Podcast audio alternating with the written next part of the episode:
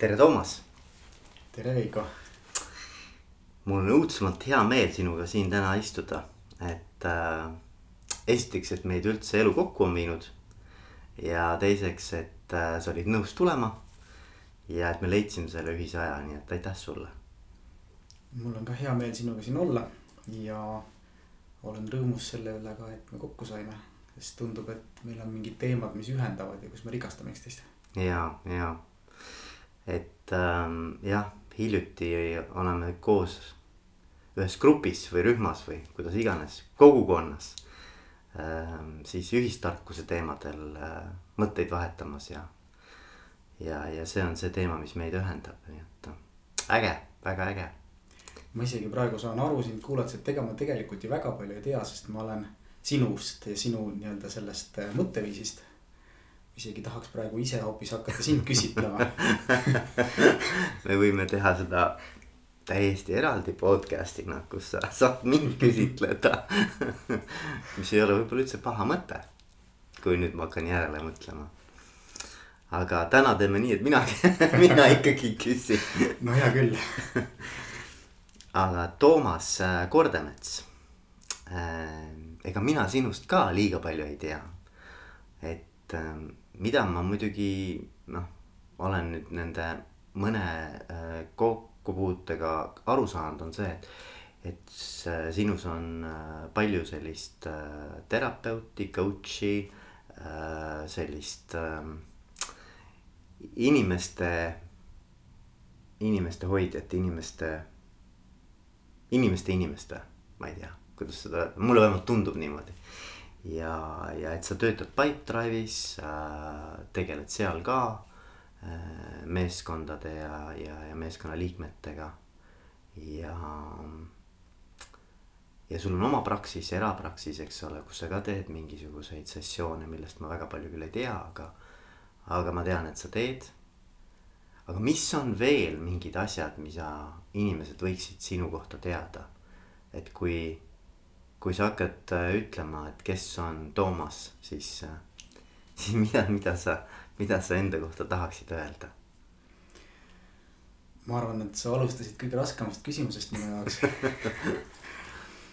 et äh, võib-olla oleks siis väga filosoofiline küll, aga, aga samas ka väga õige öelda, et, et ma, et ma ei tea, kes ma olen ja siis ma otsin ennast läbi erinevate tegevuste. et et, et sellele küsimusele pidevalt vastuseid leida, et see on, see on minu motivaator, mis mind hoiab liikumas mm.. selle erapraksise koha pealt ma ütlen küll, et ma praegu seda praktiliselt ei tee, sellepärast et, et Pipedrive ja mõned muud tegevused muuhulgas ka see ühistarkusega juhtimise grupp, mida sa mainisid, hõivavad lihtsalt nii suure osa mu ajast, et pean tegema valikuid mm. -hmm. aga jah, et äh, ma tegelen hästi palju äh, nagu selle teema süvendamisega enda jaoks, et mis, mis on inimene ja mis on, mis on inimene inimeste grupis, kuidas see kõik töötab. ja ma olen hästi õnnelik, et äh, Pipedrive'is on selline võimalus, et seal on sise coach'id ja seal on terve coach'ide tiim. Minu ülesanne seal on siis seda coach'ide tiimi arendada ja juhtida lisaks ise, ise coach imise kõrvalt. ja see, see annab mulle, et ma olen hästi rõõmus sellepärast just, et see ei ole minu jaoks töö, vaid see on minu jaoks äh, tõesti koht, kus ma saan ise kasvada. ja, ja seda ma teen ka väljaspool tööd hästi palju, et, et uurin erinevaid äh, praktikaid ja kogen ja, ja proovin oma naha peal järgi mm. -hmm aga just üks teema, ma arvan, et äh, see on ka teema, mis, äh, mistõttu ma siin täna olen, on seotud äh, juhtimise küsimusega või üldse sellise laie, laiema koostoimimise küsimusega, et kuidas inimesed töötavad koos, toimivad koos mm. -hmm. mis vältimatult viib selle teise küsimuseni, et kuidas iga inimene iseenda sees töötab nii et jah, selline psühholoogia huvi kõige laiemas mõttes on, on see, mille erinevaid tahkusid ma avastan mm. -hmm. aga kuidas noh, kui sa nüüd paari lausega ütled, et mis su taust on, et mm, -hmm. et nagu kus sa õppinud oled või et noh, mis su, mis su nii-öelda background on, et see oleks mm -hmm. ka huvitav teada. ja no äh, päris algselt taustalt ma olen insener, et äh, ma olen õppinud tipis. Alustasin siis üheksakümnendal, seal oli hirmus segadus ja see segadus hakkas natukene närvidele käima, nii et noh, segadus ainekavade kõige sellega, sest seal oli suured ümberkorraldused ja siis lõppkokkuvõttes ma sain enne targaks, kui ma paberi kätte sain ja sealt edasi eh, olin pikalt koolide suhtes natuke allergiline, sest et see õpimeetod seal mulle väga ei imponeerinud. ja, ja siis jah, ma õppisin inseneriks seal. Ja siis ma töötasingi arvutiinsenerina, telekomi insenerina. Eh, ja psühholoogia oli kogu aeg huvina taustal. ja, ja ühel hetkel ma sain aru, et tegelikult see psühholoogia on oluline ja see inseneri taust on küll põnev, aga aga tegelikult see ei toida mind enam, et ma olen seal kogenud palju, et ma, ma hakkasin järjest rohkem tegelema inimeste juhtimisega, siis, siis olid mõned karjääri kannapöörded, aga ikkagi jõudsin jälle tagasi inimeste juurde, siis hakkas tulema ühelt poolt kogem-, noh, mingisugused kursused executive coach imise ja sellise nagu coach imise mõtteviisiga laialt, laiemalt. ja teiselt poolt siis agiilsed praktikad ja agiilsed praktikad on, noh, need on siis tarkvaraarenduse maailmast pärit ja, ja need on minu suureks inspiratsiooniallikaks siiani, sellepärast et. ma arvan, et tarkvaratiimides või tarkvaramaailm on keskkonnas, mis on olnud selline väga dünaamiline ja kaootiline ja väga palju määramatust sisaldav, lihtsalt on nii kompleksne valdkond. ja kuna see on maailmas järjest olulisemaks tõusnud, siis seal on hästi palju toimunud arengut nii-öelda keskkonnas, mida nüüd kogeb muu maailm. maailm on muutunud üldse kaootilisemaks, aga see tarkvaraarenduse maailm on olnud seal kohas juba mitukümmend aastat ja. kuigi seal on oma spetsiifika, siis väga paljud sealsed avastused on sellised, mis järjest äh, laienevad üldisesse juhtimispraktikasse ja üldisesse koostoimimise praktikasse. või seal on palju paralleelarenguid, aga igal juhul see see, mis, see teadmine, mis on seal tarkvara keskkonnas või, või muudes sellistes agile lean keskkondades. noh, olnud juba, juba mõnda aega kasvanud ja küpsenud ja järgi proovitud. see on, see on nagu selline, sealt on hästi palju võtta ja laiendada ükskõik millisesse juhtimisse mm. -hmm. no üks teema kohe mul nagu lööb, on ju, et tegelikult holakraatia, mis, mida sina oled õppinud mm -hmm. ja mhm. mida mina olen õppinud.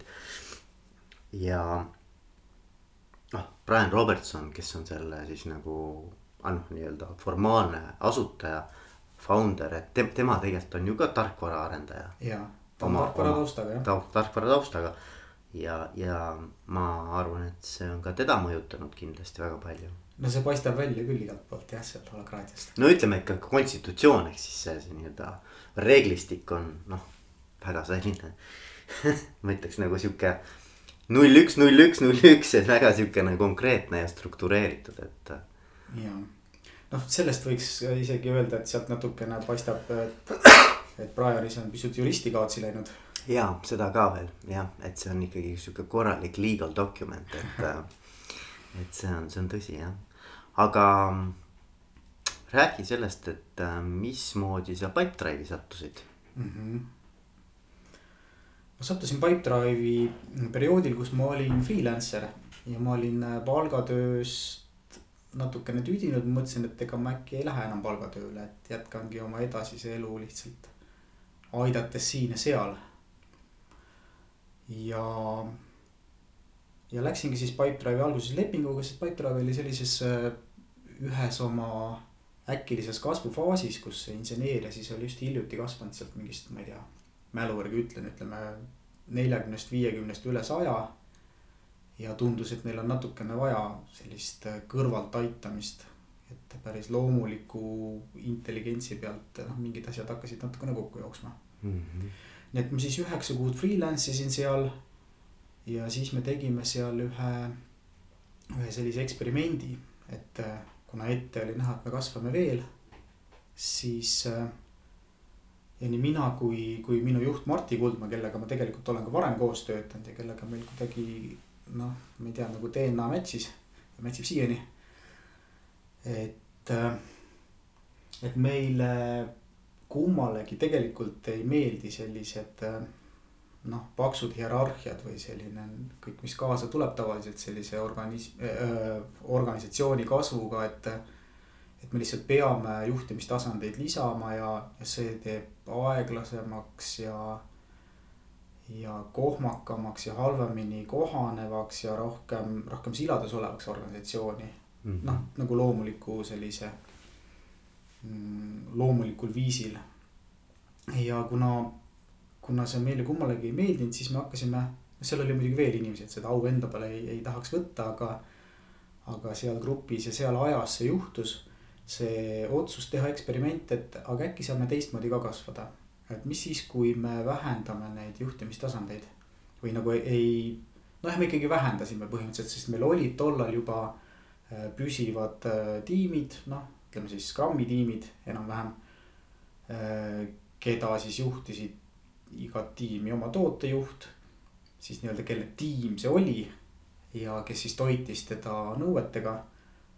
Äh, siis igal tiimil oli tiimliid, tiimliide ühendasid engineering manager'id ja noh, siis seal olid juba veel mingid paar järgmist juhtimistasandit mm. -hmm. ja me nägime, et üsna ruttu, kui me veel kasvame nii kiiresti, nagu meilt äh, oodati, et sinna lisandub veel üks kiht. ja, ja noh, lisaks teine probleem oli seal see, et tiimliidiks saavad tavaliselt äh, tiimi kõige andekamad insenerid. Aga kõige andekam insener äh, tiimijuhina tähendab seda, et sa kaotad äh, väga hea inseneri. ja pahatihti saad sa vastu keskpärase juhi, kui mm. sedagi niisiis kõik see oli ah,, ja siis oli veel see, et, et insenerid ei olnud väga õnnelikud ja hästi palju oli lahkumisi, rotatsioon oli päris suur. ja ja meil oli vaja kasvada, et väga raske on siis nagu kompenseerida seda, kui paljud lähevad ära, sest et noh, nad kuidagi tundsid, et kas see tiim nüüd teeb olulist asja või et ma tahaks liikuda, ma tahaks midagi muud kogeda, aga ei saanud. ja panime siis pead kokku, mõtlesime, et mis me saame teha. otsustasime, et aga proovime ilma tiimijuhtideta, teeme siis äh, tribe'id nagu noh, kutsusime siis selliseid suuremaid triime. hõimud, hõimud nagu. hõimud jah, eesti keeles. Eesti keeles hõimud jah. just. ja, ja ma siinkohal tahan kindlasti öelda seda, et kuigi need terminid on äh, üsna sarnased Spotify mudeliga, siis Spotify mudeliga ei ole meie sellel Pipedrive'i mudelil kuigi palju ühist. ja teiseks veel Spotify mudeli kohta väidetavalt on siis need, äh, need kaks coach'i, kes selle Lean from Trench'is kirjutasid äh, pärast öelnud, et, et see oli ilus õnnenägu, aga tegelikult oli see ilukirjandus, et sellist äh, arendusmudelit ei ole Spotify's kunagi olnud. ei enne selle kirjutamist, selle kirjutamise ajal ega me ka pärast ei jõudnud sinna. et see on selline tore, tore inspireeriv doku, tore inspireeriv lugemine, mida tõenäoliselt kõik agile coach'id on maailmas lugenud aga ma ei tea, kui paljud neist teavad, et noh, et see on tegelikult ilukirjandus. väga, väga tore ilukirjandus inspiratsioonina. okei okay,, noh, see kõrvalepõige kõrvalepõikeks, igal juhul meil olid äh, siis pärast seda muudatust äh, hõimud. katsetasime hõimu suurusega ka, etteruttavalt võib öelda, et äh, alguses tundus, et äkki me saame minna kahekümnest veel ülespoole, me olime seal kuskil isegi kolmekümne viie, neljakümne piiri peal ühel hetkel. ehk siis ühel, ühel hõimul on siis üks juht, engineering manager ja, ja siis tema all on siis insenerid. aga me jäime ikkagi sinna kuskil kahekümne peale pidama, sest üle selle nagu tundus, et äh, sealt tekkisid mingid uued probleemid. peamine probleem oli see, et tiimi või selle hõimu valitsusala läks nii suureks, et igal inseneril oli raske tunda kõike piisaval tasemel mm. -hmm. ja hõimud töötavad siis viisil et äh, sealt seest moodustatakse ajutisi tiime äriülesannete ümber. et kui tuleb mingisugune äritellimus, siis äh, pannakse kokku äh, selline väiksem arendustiim, need äritellimused me tükeldame umbes nii suureks, et, et ütleme niimoodi kolm-neli-viis inseneri paari kuuga võiks selle tehtud saada. ja ja siis äh, pannakse see tiim kokku nendest inseneridest, kes on parasjagu saadaval. Äh, nad siis tulevad kokku, äh, teevad selle ülesande ära, lähevad laiali ja see laialiminek tähendab seda, et nad on, me kutsume seda launchpad'iks, ma ei teagi, mis see hea eestikeelne vaste oleks siin. aga et see on siis nii-öelda tagalateenistus, kus on kõik need insenerid, kes parasjagu ei ole ühel või teisel missioonil. missioon on siis see, kui sa lähed eriülesannet täitma.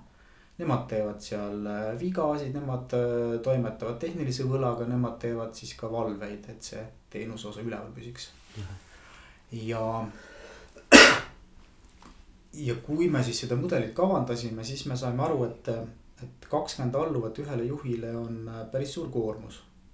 ja et me peame midagi tegema selleks, et need juhid seal kuidagi hakkama saaks või nagu noh, nii-öelda jätkusuutlikult toimetaks. Ja me otsustasime võtta selle juhtimise äh, või juhi funktsioonid pulkadeks lahti.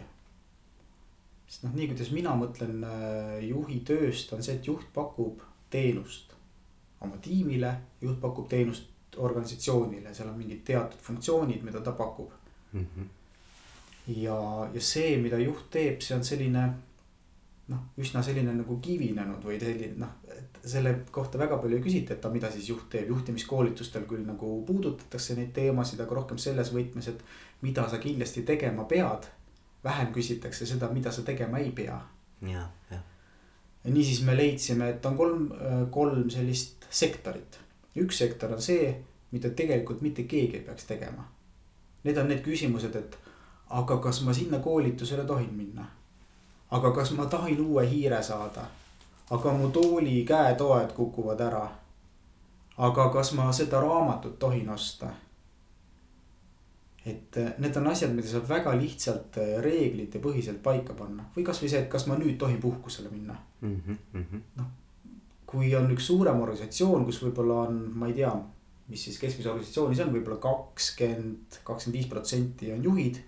siis nendest, nende juhtide tööpäevast noh, ma ei tea, ütleme kasvõi isegi kui kümme protsenti kulub selliste asjade lahendamisele, mis väärtust see lisab. kellel sellest kasu on, et nad otsustavad, sina tohid hiire saada, aga sina ei tohi. see on jah, jabur. nii et me siis tegime reeglid, et meil on igal töötajal on äh, koolituseelarve. kuidas ta seda kasutab, tema enda asi, seni kuni kasutab koolituseks. ja nii edasi, reeglite põhiselt, see oli esimene valdkond. teine valdkond oli see, et mm, kuidas ma kasvan oma rollis professionaalina. see on see, kus, kus juht on asendamatu, et selles mõttes mitte keegi peale juhi ja võib-olla ka kolleegid, eks ole, kogenumate kolleegid ja keegi teine tegelikult ei näe, et Äh, mis on minu tugevused, mis on need küljed, kus mul oleks areneda vaja. ma ise näen ka, aga ainult läbi selle, kui ma küsin tagasisidet ja peegeldust ja juht tavaliselt on, on minust kogenum. Ehk et tal on potentsiaal anda mulle väärtuslikku tagasisidet, aidata mind kasvada selles. see on üks asi, mida, mida ei saa juht delegeerida minu arvates. teine asi, mida juht ei saa delegeerida ei hierarhilises organisatsioonis ega ka mitte isejuhtivates organisatsioonides.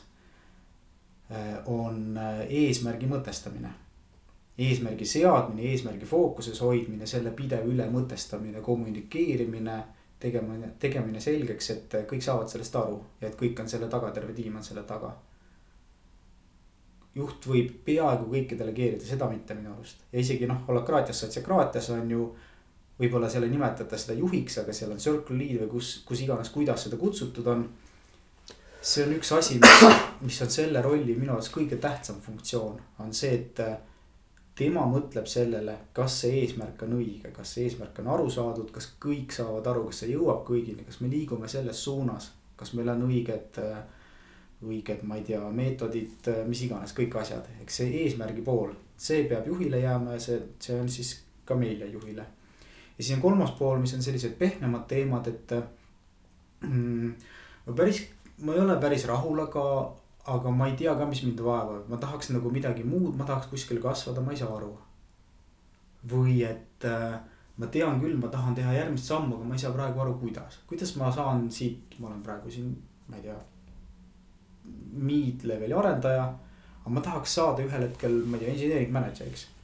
mis ma tegema pean? või näiteks, et äh, mul on äh, ühe kolleegiga minu tiimist, äh, mul on raske, sellepärast et mingid asjad, mida ta teeb, äh, häirivad mind hirmsasti, ma ei julge talle öelda.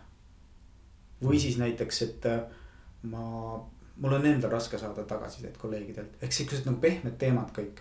Need on need, kus kogenud juhtidel on midagi portfellis, aga algajatel juhtidel väga tihti ei ole mm. -hmm. ja see on see koht, kus me siis otsustasime, et me toome sisse professionaali ehk psühholoogia taustaga inimese, keda me siis kutsusime coach'iks Mm -hmm. lõime personal coach'i rolli kui eksperimendi, et nemad siis toetavad neid juhte, kellel on kakskümmend alluvat juhtida.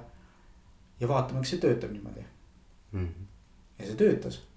nii et võtsime esimese mm,. Läks hästi, võtsime teise veel juurde ja siis hakkasime seda teenust pakkuma ka ülejäänud organisatsioonile, lihtsalt coach imisteenust. Ja, ja niimoodi ta siis kasvas, et see meie, meie framework, kuidas me tarkvara arendame, see nüüd on äh, neli aastat äh, elus püsinud, siin on tehtud väiksemaid täiendusi ja me praegu oleme sellise uue arenguhüppe künnisel, sest Pipedrive nüüd neli aastat hiljem on väga teistsugune koht juba. yeah. aga, aga see baas on paigas. seal on hästi palju sellist isejuhtimist või nagu autonoomiat igal tribe'il luua oma selline unikaalne nurk. põhiraamistik on paigas, coach'id toetavad, lambid põlevad, raha liigub, kõik on ilus kõlab, kõlab väga hästi, kõlab väga hästi tõesti no,. mitte, et seal nüüd äh, ei oleks nagu neid varjukülgi ka, aga, aga tore on ju rääkida sellest, mis hästi on. muidugi, muidugi uh,. mulle hästi kuidagi kõnetas just see juhi rolli nagu tükkideks võtmine. Et mulle tundub, et see on hästi holakraatiline. et holakraatias tegelikult räägitakse ka, et et kui sa mingisuguse ameti endale saad, noh tavamõistes ameti, et siis sellega kaasas tuleb sul mingi hunnik erinevaid ülesandeid, eks ole. noh mm -hmm. ma ei tea, personalijuht, eks ole, siis sul on seal automaatselt tuleb pakett nii-öelda. midagi sa võib-olla teed väga hästi ja mingid asjad võib-olla ei tule sul üldse hästi välja. Või kus sul ei ole tugevusi, eks ole, aga nüüd, kui sa tulid personalijuhiks, siis sa võtad kogu selle paketi, eks ole. aga mulle meeldib see mõte, et äh, me lööme tegelikult väiksemateks rollideks selle ameti. ja noh, näiteks personalijuhi puhul ma kujutan juba ette. seal võib olla kuus-seitse erinevat rolli tegelikult seal sees, eks ju, värbaja, eks ole, koolitaja, ma ei tea. erinevad rollid, ma ei tea, tasusüsteemide spets või ekspert, eks ole, ja nii edasi. Aga tavamõistes need on nagu kuidagi pandud nagu sulle külge ja juhil on samamoodi, et kui sa juhiks tuled siis sa võtad selle juhi paketi, eks ole mm. -hmm. sa pead nagu kõiki asju tegema, mis selle juhi rolliga kaasas käivad. aga ma arvan, et holakraatil no, nagu holakraatiliselt mõeldes võikski mõelda, et tegelikult ei pea üks inimene neid rolle täitma. et mingil tasandil noh, coach võibki olla näiteks tegelikult ju see on ka üks juhi. noh, mõnes mõttes ka juhi roll olla ol, nii-öelda coach oma tiimiliikmetele, eks ole, et, et siis noh, seda ei pea see ilmtingimata see juht tegema noh ise, vaid et ta võibki öelda, et näiteks on tal siis tiimis keegi või, või, või siis väljast sisse osta, aga. et ütleb, et selle rolli me saame eraldi võtta ja noh, neid rolle ilmselt saab jagada seal igatepidi, eks ole. ja mõned asjad on sellised, mis täna on juhi käes ja nagu sa ütlesid alguses. inimesed võiksid ise küsida enda käest, et kas ma peaksin saama endale uue hiire või kas mul on vaja uusi, ma ei tea kõrvaklappe või mis iganes, eks ole, et. et ma arvan, et see on nagu äge mõtteviis, mulle see nagu hästi meeldib, sest et paljud juhid tegelikult on, nagu sa ütlesid ka, et nad on tegelikult nagu äh, ise nagu äh, suhteliselt õnnetud kogu selle paketiga. Nad on väga head võib-olla, ma ei tea, ühes kolmandikus sellest, aga näiteks kaks kolmandikku tuleb nagu. noh, antakse sulle nagu pagasina kaasa, aga tegelikult sa oled nagu suhteliselt nagu õnnetu sellega, nii et mul see nagu hästi-hästi kuidagi sümpatiseeris.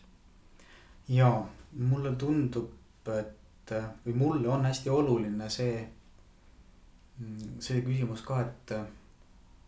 et mida ma tahan teha või noh, mitte ainult see, et mis mul hästi välja tuleb, vaid, vaid mis mind ka õnnelikuks teeb. et kuidas, kuidas olla tööl, teenida raha ja olla autentne sealjuures. see on selline selline väga huvitav valdkond mm. -hmm.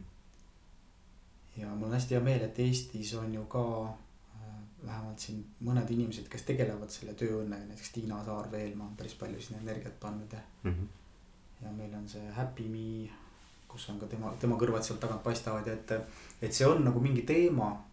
Ja mulle tundub, et see teema on tulnud äh, natuke pilti ka tänu sellele, et meil on äh, väga palju tarkvaraarendusega tegelevaid ettevõtteid ja tarkvaraarendajad on selline väärtuslik äh, amet, kus käib kõva ületrumpamine, mis on natukene andnud jämedama otsa siis töötajate enda kätte mm. -hmm. ja nad saavad olla suhteliselt häälekad. et arendaja teab, et kui ta täna töölt ära läheb, siis nädala, hiljemalt nädala pärast äh, ta leiab uue töö ja tõenäoliselt suurema palga, kui ta täna saab. et see on see tööjõuturu olukord.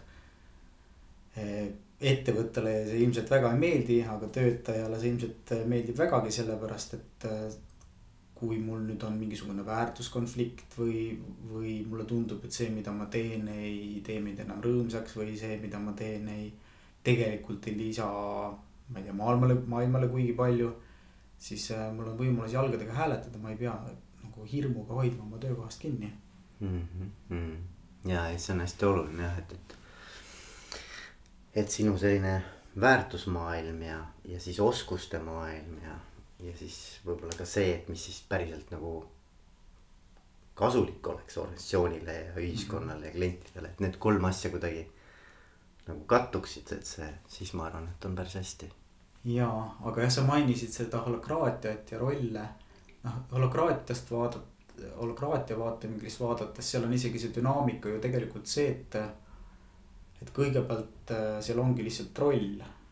et äh, kui, kui seda rolli, rollil on nagu rohkem vajadust, siis see kasvab söökliks, aga kõigepealt seal ongi üks inimene, kes täidab seda rolli. ja ja kui ta näeb, et ta enam hakkama ei saa, siis on hästi orgaaniline see, et ta hakkab sellest kogu sellest suurest äh, rollist eraldama mingisuguseid tükke. ja sinna leidma neid teisi inimesi, kes just neid tükke kõige paremini teeb mm, -hmm. teeb mm. -hmm. ja, ja noh, see ei peagi tegelikult olema ilmtingimata holokraatia, holokraatia teeb selle lihtsalt hästi nähtavaks, et seal on need rollikirjeldused on kõik. Äh, kõik nii-öelda avalikud ja nende üle mõeldakse, et tavapärases organisatsioonis selle üle mõeldakse vähem, et kui sa tuled tööle, siis sa, sul on ametijuhend, eks ole, mis võib, aga ei pruugi olla ajakohane ja adekvaatne. aga ega seda juurde keegi hiljem tagasi ei lähe, et kui, kui mina tahan teada, millega Jaan tegeleb või kes ettevõttes tegeleb, ma ei tea. no ütleme suvalise asja, tarkvara kvaliteediga, ega ma ei lähe ma ei tea, personaliosakonda ja ütled, andke mulle siis nagu nüüd nende tüüpide tööjuhendid, ma vaatan, et kelle juurde ma lähen noh, seda ei juhtu, ega see tööjuhend on sihuke nagu formaalne asi. mõnes mõttes see rollikirjeldus holakraatias on, on lihtsalt nagu tööjuhend, aga päriselt töötav tööjuhend ja pidevalt nagu elus dokument. aga, aga jah, tava, tavaelus äh, tegelikult ka selle üle väga ei mõtiskleta. jällegi see on tööriist, mis holakraatiast tuleb et, et me mõtleme selle rolli üle ja me, meil on justkui võimalus, et kui mina nüüd olen siis selle, selle circle'i lead on ju, alguses ma olen võib-olla see ainuke inimene seal, et mina olengi see circle. ja siis ma olen see lead, siis ma saangi mõelda, et, et mis on minu, mis on need asjad, mis on minu tugevused, mis mu silma särama panevad, neid ma saan ise hoida. aga võib-olla mul miski ei tule väga hästi välja, et ma siis äh, loongi või eraldan endast selle rolli mm. -hmm ja leian siin inimese, kelle tugevus on see jälle. just just ja mulle ka meeldib see mõte ja. ja noh, kui see kõige kergem on mõelda ettevõtjana, eks ole mm, -hmm. kui mhm. sa alustad ettevõtjana üksi. siis nagu sina oledki oled see ettevõte mm, -hmm. oled see circle ja oled need kõik rollid, mis iganes seal on, eks ole. ja siis ühel hetkel võib-olla tekib võimalus, kus sa saad öelda, et kuule. asi on kasvanud juba piisavalt noh mahukaks, et mul on vaja nüüd hakata sellest oma kõikidest nendest nii-öelda tegevustest hakata lahti lööma mingeid väiksemaid rolle. just, ma olen vihanud raamatupidamist päevast null no. on aeg. näiteks näiteks, eks ole, siis saad selle ära eraldada, eks. et ega, aga noh, tavapäraselt nagu on, noh, see mõtteviis ei ole sedapidi, eks ole, et mõtteviis on ikkagi see, et sa tuled ühe ameti peale. et sul on üks amet, eks ole. ja tavaliselt see tähendab seda, et sul on ka üks ametinimetus, mille alla koondub siis noh more or less, eks mm -hmm. ole, sarnaseid ülesandeid mm, -hmm. mis sellega kokku lähevad. just, just, et ma arvan, et see holokraatia nagu võlu on see, et ta ei pea isegi olema ühe valdkonna asjad, need võivad olla täiesti. ma ei tea, erinevatest valdkondadest. sa saad võtta endale ükskõik millise rolli organisatsioonis. et äh, meil Pipedrive'is holokraatiat ei ole. Aga meil on üks teine viis, kuidas äh, sarnast asja natuke saavutada, on gildid. ehk et meil on äh, siis noh, see on jälle nüüd pigem on ta inseneerias kui kogu Pipedrive'is. aga kui meil on vaja mingisugust teemat valitseda, kus on kus on siis nagu suurem, noh, see ei ole ühe selle hõimu teema, vaid, vaid see puudutab kõiki või väga paljusid hõime näiteks. Noh, see algas, eks ole, tarkvara arhitektuurist, võib-olla mingisugusest konkreetsest tehnoloogiast, näiteks nagu PHP. siis me lõime gildi, et gildis äh, saavad äh, kaasa rääkida ja gild võtab siis nii-öelda, võtab vastutuse mingi valdkonna noh, kas siis areng või mis iganes see nii-öelda see vajadus seal on, võtab, võtab vastutuse selle valdkonna, valdkonna valitsemise eest. Gildi saavad minna kõik inimesed, kes on sellest huvitatud. kõik, kes tahavad panustada oma põhitöö kõrvalt. Äh, vabatahtlikult ja nad lähevad äh, ja teevad seal lihtsalt seda, mida on vaja teha mm. -hmm. ja kui, ja siis äh, Gildil on, on siis council noh, kus on siis nagu need põhiliikmed, kes seal koos otsustavad ja gildil on siis äh, gildi eestvedaja. kes, äh, kes on üsna selline noh, fassiliteerija, et tal on, tal võib olla ka nagu see, et ta seal viib enda nägemust täide, aga ta võib olla ka rohkem selline, kes. Kes lihtsalt vaatab, et kõik asjad juhtuks ja pigem nagu juhib seda ühistarkusega mm. -hmm. aga nad on siis ka mingiks tähtajaks nomineeritud ja, ja siis ütleme kord poole aasta jooksul näiteks siis äh, vahetatakse või astub siis see gildi vedaja tagasi ja leitakse järgmine näiteks mm. -hmm. Aga seal need rollid siis on sellised äh, mitte seotud siis selle põhi, üldse põhitööga. üldse mitte, noh, sul mm peab olema mingi kvalifikatsioon, et seda teha seal või vähemalt või huvi, või huvi ja mm huvi õppida. aga see ei pruugi üldse olla sinu põhirolliga seotud mitte kuskilt otsast mm. -hmm. no võib ka mingi ürituste gildi teha ju teemegi mingeid ägedaid üritusi või no, mida iganes, eks. näiteks jah mm. -hmm. no see on kihvt jah, ja see on sihuke vabatahtlikkuse põhinev, eks ole. Et eh, noh, lisaks tehnoloogilistele gildidele, siis üks gild on meil näiteks selle Pipedrive'i äh, mission framework'i või Pipedrive agile framework'i valitsemiseks mm. seal on samamoodi inimesed. me püüame teha nii, et seal oleks kõik sellised olulised rollid, kes, eh, kes nii-öelda osalevad selles äh, selles arendustegevuses on ju, mille, mille üle seal valitsetakse, et kõik rollid oleks kohal, kõigi hääled oleks esindatud kuidagi. aga, aga sa lihtsalt tuled sinna ja, ja teed kas siis midagi, mis on sulle südamelähedane. Äh, või lihtsalt sellepärast, et sa tahad äh, kasvada, saada kogemust, et kuidas on, ma ei tea, teha mingit protsessi. aga teha. selle gildi tulemus on ikkagi päris nii-öelda töös kasutatav ja, ja, ja ta teeb ja. otsuseid, mis tegelikult mõjutavad nii-öelda põhitegevust. just mm. -hmm. noh, see on, see on nagu võimas vaata selles mõttes. see on äge jah mm. -hmm. Mm -hmm. Mis veel, ähm, see Pipedrive'i kultuur üldse nagu väga huvitav, et äh, mul endal oli ka nüüd äh, õnnestus ühte magistritööd või oli see bakalaureusetöö vist, bakalaureusetööd retsenseerida äh, Pipedrive'ist.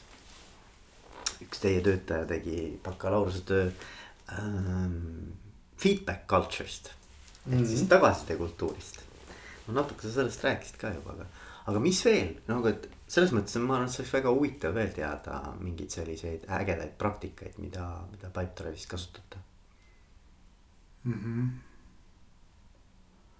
tead, kui sa nüüd niimoodi küsid, siis äh, lööb nagu täitsa pildi mustaks, et mis, mis seal siis on, et noh, ma nagu elan seda iga päev on ju. sellepärast on raske kõrvalt vaadata, aga ma arvan, et üks asi, mida, mis on hästi oluline noh igal pool ja mida me Pipedrive'is, ma arvan, et me ei ole seda teinud alati ja igal pool kõige õnnestunumalt. aga, aga mida, kus me alati otsime võimalusi, püüame kasvada, on noh, tegelikult ongi seesama feedback culture, et. et äh, hästi oluline on vaadata tagasi selleks, et õppida. ja me püüame seda teha nii igal tasandil, kui on võimalik. et tiimid, kes koos töötavad, et, et nemad õpiks, nemad vaataks, noh, seal agiilses maailmas on sellised, selline tehnika nagu retrospektiiv. ja, ja noh, sotsiokraatias näiteks on, on sarnane tehnika olemas, aga tarkvaramaailmas seal on nii palju erinevaid formaate, mida sa saad kohendada igasuguse asja jaoks ja me teeme seda nii tiimide tasandil. teeme seda mingite suuremate koosluste tasandil, me teeme seda nii igapäevasel taktikalisel levelil äh, kui ka vaadates noh, isegi mitte alati püsitiimil, vaid kasvõi mingisugune noh, mingi juhtide või mingi leadership tiim, kes, kes juhib mingit funktsiooni. näiteks poole aasta tagasivaade, kuidas meil on läinud mm. -hmm. juba sellisel strateegilisemal tasandil mm. -hmm. ja, ja me teeme seda sageli niimoodi, et me läheme siis selle tiimiga kusagile töökeskkonnast välja. me läheme kuskil rendime mingisuguse toreda koha ja ja naudime seal koos olemist, aga samas teeme ka tööd, vaatame tagasi ja teeme tulevikuplaane mm. -hmm. et äh, selles on nagu nii tohutu potentsiaal, nagu ma ütlesin, et me ei ole nagu nii head seal, kui me tahaks, sest et on kohti, kus me unustame seda teha. aga seal, kus me seda teeme, seal on suur väärtus. ja, jah, see see tegelikult viib mind praegu tagasi mõtteni, mida ma mõtlesin täna hommikul, kui ma teadsin, et ma tulen siia sinuga rääkima, et mm. mis see juhtimine siis minu jaoks üldse on mm. -hmm. ja mitte, et ma seda vastust teaks, aga aga, aga ma kuidagi sain aru, et juhtimine, juhtimisel on äh, nagu noh, see sõna on hästi lai selles mõttes, et, et üks asi, mis äh, mis on äh, hästi selge mulle kõigist nendest ühistarkusega juhtimise praktikatest ja noh, ka agiilsest ja, ja kõigest, kus toimub midagi, mis ei ole veel kultuuris laialt levinud, et mida sa ei saa oma kodust kaasa, mida sa ei saa oma, oma koolikogemusest väga kaasa. on, on siis selle fassilitaatori või, või hõlbustaja või nagu me siin proovisime sõnauuendusi luua, hõlbiku roll. ehk et selleks, et et reaalselt mingisugused sellised praktikad toimiks, kus, kus juhtimisse on noh, ütleme, kasutame, kus, kus, kus kaasav juhtimine töötaks. seal on hästi oluline, et, et oleks keegi, kes hoiab seda ruumi ja jälgib protsessi, noh holakraatial ju samamoodi, eks ole, et. sa pead usaldama seda protsessi, isegi nagu formaalselt toimub võimu üleandmine protsessile. ja ja selleks, et see töötaks, et ei langetaks tagasi vanadesse harjumustesse, sest et vanad harjumused ei, ei võimalda sellist äh, koostööviisi koos hoida. juhul kui noh, võib-olla meie lastel, kui, kui meie nüüd oleme siin nagu holakraadid ja sotsiokraadid on ju oma perekonnas ka või võib-olla. võib-olla meie lastel on teistmoodi, aga meil igal juhul vajab see, väga selget juhtimist ja see ongi üks selline nagu juhtimise.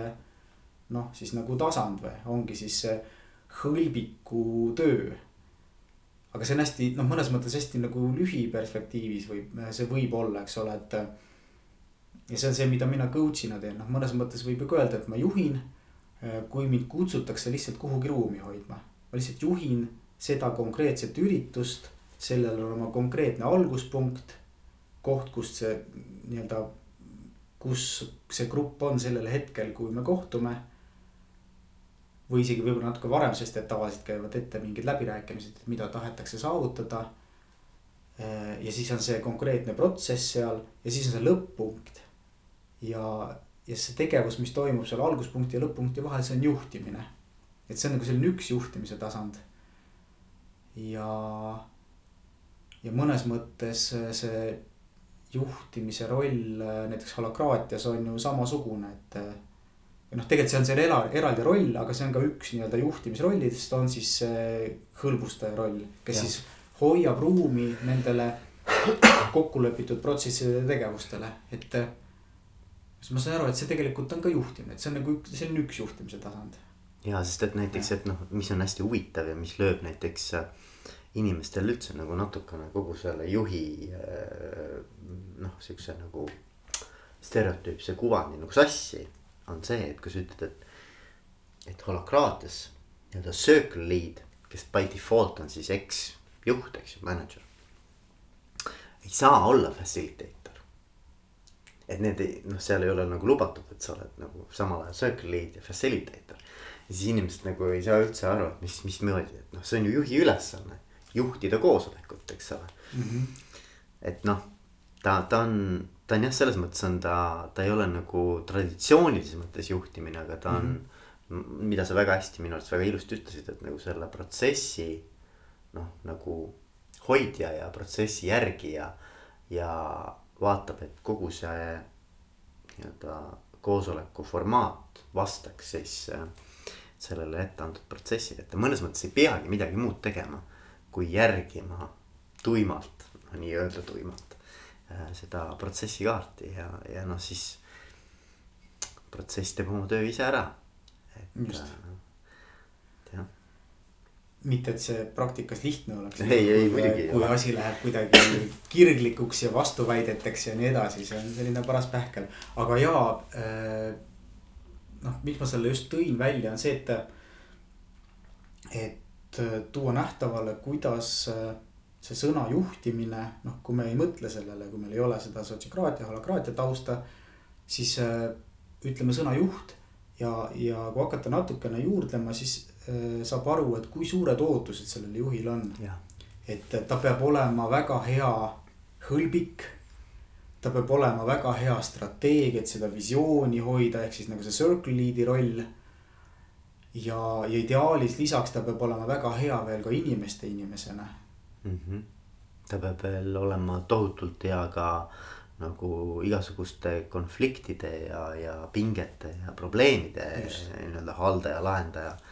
et noh, see on jällegi õnneks antud ju holakraatias selle protsessi noh, et protsess nagu on mõnes mõttes võtab selle rolli üle juhilt. ja no vot holakraatias tekib see võimalus, et ma saan rohkem kohandada seda, et ma saan teatud asju delegeerida ära. Või noh, see on nagu loomulikum, seal on tööriistad selleks mm. -hmm.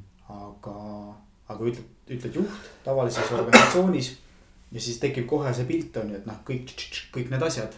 ja, ja no me, ma, ma olen ise loonud ju juhi kompetentsi mudeli mm. -hmm. ma olin kunagi Elionis vastu, vastutasin selle eest. ma olin äh, personali arendusjuht no,, kelle üks ülesanne oli luua juhtimise kompetentsimudel. mis tähendab seda, et kõik kirjas, mida siis hea juht teeb, eks ole.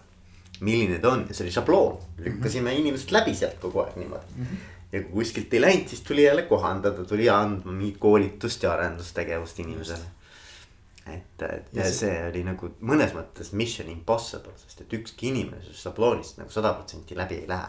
ja, ja siis on see küsimus, et äh, kas äh, ma pean arendama oma nõrkusi, et olla keskpärane igal pool.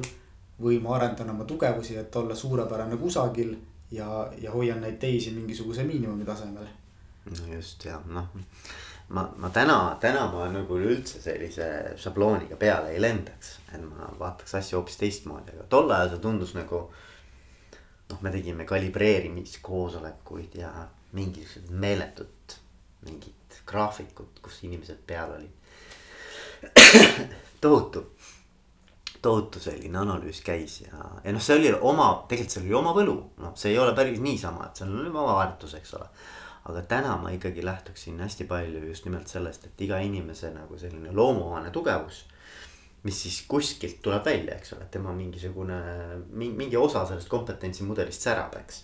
teised osad võib-olla on tuhmid, noh, aga võib-olla ta ei peagi sellega tegelema, aga sel ajal ei olnud see küsimus, mis mõttes mm -hmm. ei pea, eks ole just, no vot sinna ma täpselt tahtsingi sihtida, et siit tuleb jälle sisse see teema, mis ma enne tõin, on see autentsuse ja, ja töö, kas töö teeb õnnelikuks teema mm. -hmm. et kui ma, kui ma pean suurema osa oma päevast äh, lohistama läbi oma, oma nii-öelda nõrkusi kompenseerides. siis tõenäosus, et ma sealjuures õnnelik olen, äh, ei ole väga suur. aga kui ma saan tuua välja rohkem seda, kus, äh, kus ma säran. Siis ma tõenäoliselt olen ka ise palju rõõmsam. ja lõppkokkuvõttes see tähendab seda, et minu panus on tõenäoliselt suurem, kui ma olen õiges kohas ja, ja kui mõelda siis nüüd noh, kasvõi sellele holakraatiale, siis minu arust on nagu ülitore seal see, et, et seal ongi need tööriistad, et ma saangi ära anda need asjad, noh. kus, kus ma näen, et keegi teine on tugevam või mida ma ei taha teha mm. -hmm. ma saan need delegeerida või ma saan lihtsalt luua selle rolli ja, ja kutsuda seda rolli täitma keegi, keda see roll kõnetab. oma tiimist ja noh, see aitab ka mõelda, et noh, kuidas siis seda tiimi komplekteerida, eks ole. just, et see tiimi, tiimi nii-öelda komplekteerimise juures hästi oluline. et inimesed nagu, nagu kuidas see on siis. Complementing each other, kas see on siis. täiendavad. täiendavad üksteist just, et, et, et nad nagu oleksid siis ka noh, mõnes mõttes siuksed erinevad natukene. et meile loomuomaselt meeldib ikkagi valida endale sarnaseid inimesi tööle. oo oh jaa et see on ka see, see on ka üks teema jah, väga Mhm. huvitav. just ja lihtsalt, et see pilt oleks täielik, noh siis on see üks juhtimise nii-öelda valdkond veel on selline projekti juhtimine, eks ole, on ka puhas juhtimine. aga seal seda inimeste poolt ei ole. seal on ainult nagu selline puhas eesmärk noh, inimeste poolt, okei okay,, võtan tagasi. ei saa öelda, et projekti juhtimise inimeste poolt ei ole, ei ole pikka perspektiivi, seal on see, et. et äh, ma ei tea, kui mul on ikkagi Juhanilt vaja homseks asi ära saada, mind ei huvita Juhani prioriteedid. mul on vaja, et ta selle asja ära teeks, ehk see on sihuke nagu nii-öelda natukene nagu noh, lühiperspektiiv või nagu oma eesmärgi nimel no matter what mm -hmm. on see projektijuhtimise pool mm. -hmm. et see on ka üks juhtimise lihtsalt nurk, aga noh, ma arvan, et võib-olla meil ei ole huvitav seda, seda osa siin väga sügavalt kaevata, aga lihtsalt tahtsin lauda panna, et. inimeste juhtimine, projekti juhtimine ja sihuke nagu noh, strateegiline juhtimine on need. minu jaoks nagu need kolm sellist olulisemat asja, mis seal juhtimises on, aa ja siis oli, eks ole, see. nii-öelda see hõl-, hõlbustaja mm. -hmm. noh, ja holakraatias on veel ka sekretäri ehk Ja. et äh, sekretäri roll. noh, mis siis klassikaliselt äh, on siis äh,, ei ole juhi roll on ju, vaid on nii-öelda alamamet. nojah, et, et ta on siis nii-öelda nagu, et ke- keegi siis, kes mõnes mõttes nagu peab siis nii-öelda records mm. whatever ha happens in the yeah. meeting, eks ole, kes teeb nii-öelda minutes. Jah. kes võtab siis nii-öelda protokolli kokku, eks ole. ja, aga lihtsalt kõrvalepõikena, see mulle meenub, et mina töötasin kunagi siis äh, mm, Elioni konkureerivas ettevõttes Elises. isegi lausa päris pikalt, kakskümmend aastat ah, väga, vot, päris ja pikalt jah. ja mingi osa sellest ka projektijuhina ma avastasin, et kui suur võim tegelikult on sellel, kes kirjutab koosoleku kokkuvõtteid. sellepärast, et eriti kui koosolek ei ole väga hästi juhitud, siis seal nagu lapatakse ikka nagu äh,, nagu kummiseintega toas vahest. ja on. ja ega keegi täpselt ei mäleta ka seal, et noh, et mille peale need kired lõõmama läksid ja mis seal siis otsustati. ja kui minul on vaja nüüd mingi, et mingisugune konkreetne asi oleks äh, kivisse raiutud. siis ma saan üsna loominguliselt suhtuda sellesse, mis seal juhtus ja panna kirja selle, mis mul on vaja saata laiali öelda, et nüüd on niimoodi, kuni te vastu ei vaidle. ja, ja, ja. ma olin, noh, mul on ka kirju taust, ma, ma olin Elionis, olin kõige esimese ametina olin sisekommunikatsiooni juht Mm. sihukene amet oli ja selle ametiga käis kaasas selline privileeg. et ma sain osaleda juhtkonna koosolekutel iga nädal. Sest sisekommunikatsiooni juht ju ometigi peab teadma, mis toimub ettevõttes, eks ole, ja siis Mhm. minu roll oli kirjutada iga nädal kokkuvõte, ülevaade, mida siis juhtkond oma koosolekul arutas. ja see läks kõigile laiali Mm -hmm. ja noh, seal oli nagu mitu aspekti, eks ole, üks on seesama, et noh, et tegelikult sa pead sellest nii-öelda mõnes mõttes sellisest jutuadrast. mingisuguse päris sisuka, mõistetava sellises lihtsas keeles ja selgelt väljendatuna äh, protokolli kokku panema. mis ei ole alati kõige lihtsam, eks ole, aga samas seal on hästi palju loomingulisest mm. -hmm ja, ja teine pool on seal see, et, et noh, et, et sellel on ka suur mõju, eks ole, et mida iganes sa sinna kirjutad, see hakkab nagu mingis mõttes oma elu elama. et kui sa selle laiali saadad, kõigile nendele tuhande neljasajale või ma ei tea, seal inimesi oli mm -hmm.. noh, siis, et sa tead, et see.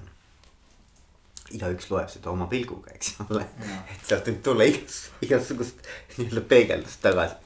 et aga jah, ma mäletan, et see, see sekretäri roll võib tunduda niukene ähm, triviaalne, aga te, tegelikult on väga oluline osa.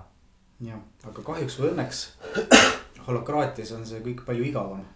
sellepärast, et koosoleku lappama minekuks on kahjuks võimalusi palju vähem mm. -hmm. või õnneks. noh, facilitator'il on seal väga suur roll muidugi, eks ole. ja, ja sekretäri on selles mõttes jällegi holokraatias äh, palju võimsama rolliga kui lihtsalt äh, kirjapanija või, või märkmete tegija. temal on ju ka õigus näiteks interpreteerida konstitutsiooni äh, selle rühma jaoks või selle tiimi jaoks. Et see ei olegi mitte ei circle lead ega facilitator, vaid kui tekib vaid, vaidlus näiteks, et kuidas me mingisugust. ma ei tea, konstitutsiooni artiklit nüüd interpreteerime, siis sekretär on see, kes ütleb, mis on siis õige no näed, õppisin midagi uut jälle äh, holakraatia kohta. aa, no, no, no jah. ma kas seda, kas äh, ei õppinud või ma seda ei mäletanud. ja, ja, aga see selles mõttes talle on antud päris suur mm. nagu noh, miks ta on antud sekretäri, sellepärast et ta on natuke nagu, nagu erapooletu või ta on mm. nagu sihuke. kui sa annad selle circle lead'ile, siis ta on jällegi kuidagi, tal on mingi oma mingisugune vaade ja huvi, eks ju Circle lead on jah, seal selgelt kallutatud. kallutatud, eks ju, ja, ja, ja noh, siis ma arvan, et see on ka noh, õige, õiglane. aga mis veel, tegelikult mulle hästi-hästi meeldib mõelda nagu, et mis äh,, mida veel Pipedrive'ist õppida oleks või. Või sinu enda kogemustest, mis, mis on sul olnud sellised äh, silmi avavad äh, vestlused või mm? -hmm. mulle praegu esimesena tuleb, tuleb äh, meelde kogemus ühe hiljutise koolitusega äh, mida ma siis koos Riinu Lepaga, kes oli seal vist siin üsna hiljutine külaline. Äh, koos Riinuga siis koolitust tehes äh, kogesin. Ehk et me tegime siis ka sellist noh, sotsiokraatia, holakraatia koolitust, me väga selgelt isegi ei erista neid koolitades või noh, mainime küll, et siin on nagu see üks stiil ja teine stiil, aga. aga päeva lõpuks noh, see kandev idee on üsna sama ja lihtsalt tööriistad natuke erinevad tegime siis koolitust ühele ettevõttele, kus, kus neil on soov reaalselt hakata neid tööriistu kasutama. ja, ja ma sain aru seal, tegime seda koolituse käigus nagu kohandasime seda äh, koolitust natukene ringi. noh, nagu tunnetades, et, et kus see vastuvõtu level on ja ma sain aru, et kui oluline tegelikult on mm, siis nii-öelda anda sellised nagu, äh, nagu trepiastmed ka, et kui, kui äh, keegi soovib lõpuks jõuda välja kuhugi sellisesse puhta holakraatiasse, puhtasse holakraatiasse.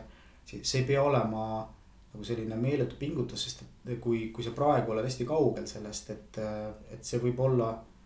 noh, nii suur samm, et see, see tekitab nagu palju mõttetut kannatust ja kaost mm. -hmm. ja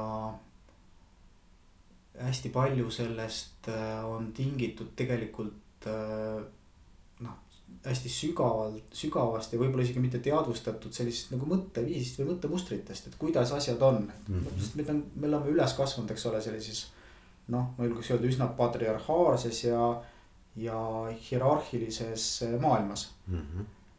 ja me isegi ei, märka tihti, et äh, et nii-öelda, kus need mõttemustrid on nii automaatsed, et, et see samm holakraatiasse, kus on vaja hästi teistmoodi mõelda, tundub hästi suur mm. -hmm. nagu pikk sissejuhatus, aga kuhu ma tahan sellega välja jõuda, on see, et. et ma kogesin, et on, on võimalik anda selliseid nagu väiksemaid sammukesi, mis lihtsalt annavad võimaluse nii-öelda avardada oma mõtlemist ja hakata harjuma nagu selles suunas liikumisega, et et tegelikult ühistarkusega saab teha asju ja saab teha asju tihti isegi paremini, et. Et kõigil on tõesti võimalus oma arvamust avaldada ja me saame seda integreerida ja samamoodi, et juhi roll ei pea olema täispakett ja me ei pea kohe ringi lülituma circle itele ja rollikirjeldustele. vaid näiteks esimene samm võib olla äh, sellisest äh, praktikast või ma ei tea, kuidas seda siis kutsuda, see, et see ei ole tegelikult, ta ei ole framework, aga management kolm null. on mm., on siis nagu selline, kuidas seda kirjeldada, see on nagu kogum mingisuguseid juhtimispraktikaid, mis kaasavad ühistarkust mm. -hmm. ja, ja see võib olla ja mõned nendest on tõesti väärtuslikud mingil hetkel selleks, et hakata tege-, tegema esimesi samme. et juht saaks vastutust enda noh pakkuda siis oma tiimile. Ja tiim saaks, et juht ja tiim saaks nagu ühises keeles, näiteks delegation pocket on selline väga konkreetne keel, milles me saame rääkida. Äh, kuhu me asetame vastutuse juhi ja tiimi dünaamikas ühel, teisel, kolmandal ja seitsmendal teemal mm. -hmm, mm -hmm. ja ma õppisin, et see tegelikult sellised väiksed tööriistad, et neid, neid tasub koguda oma tööriistakasti, sest et. Need võivad olla õigel hetkel õiges kohas, need võivad olla nagu ülitoetavad mm. -hmm, mm -hmm. ja ma, ma olen hästi nõus ja, ja tegelikult ju see viies holokraatia konstitutsiooni versioon, mis nüüd tuli, ma ei tea, pool aastat tagasi välja. kõige uuem siis nii-öelda mm. -hmm. ka annab selleks ametlikult või nii-öelda formaalselt võimaluse, et, et ennem oli sihuke Big Bang üleminekul mm. -hmm. pididki kõik kohe, kõik kogu konstitutsiooni päevapealt, pumm mm, -hmm. omaks võtma, eks ole. juhid kirjutasid sellele alla ja ütlesid, et nüüd ei ole enam minu käes võim, vaid nüüd me anname selle konstitutsioonile. ja siis kõik organisatsiooni liikmed ütlesid, jess, nüüd me hakkame siis seda konstitutsiooni oma kõige kõrgemaks võimukandjaks nimetama, eks ju. aga viiendas versioonis on, ongi graduaalne üleminek, et, et seal on nagu väiksed sammud.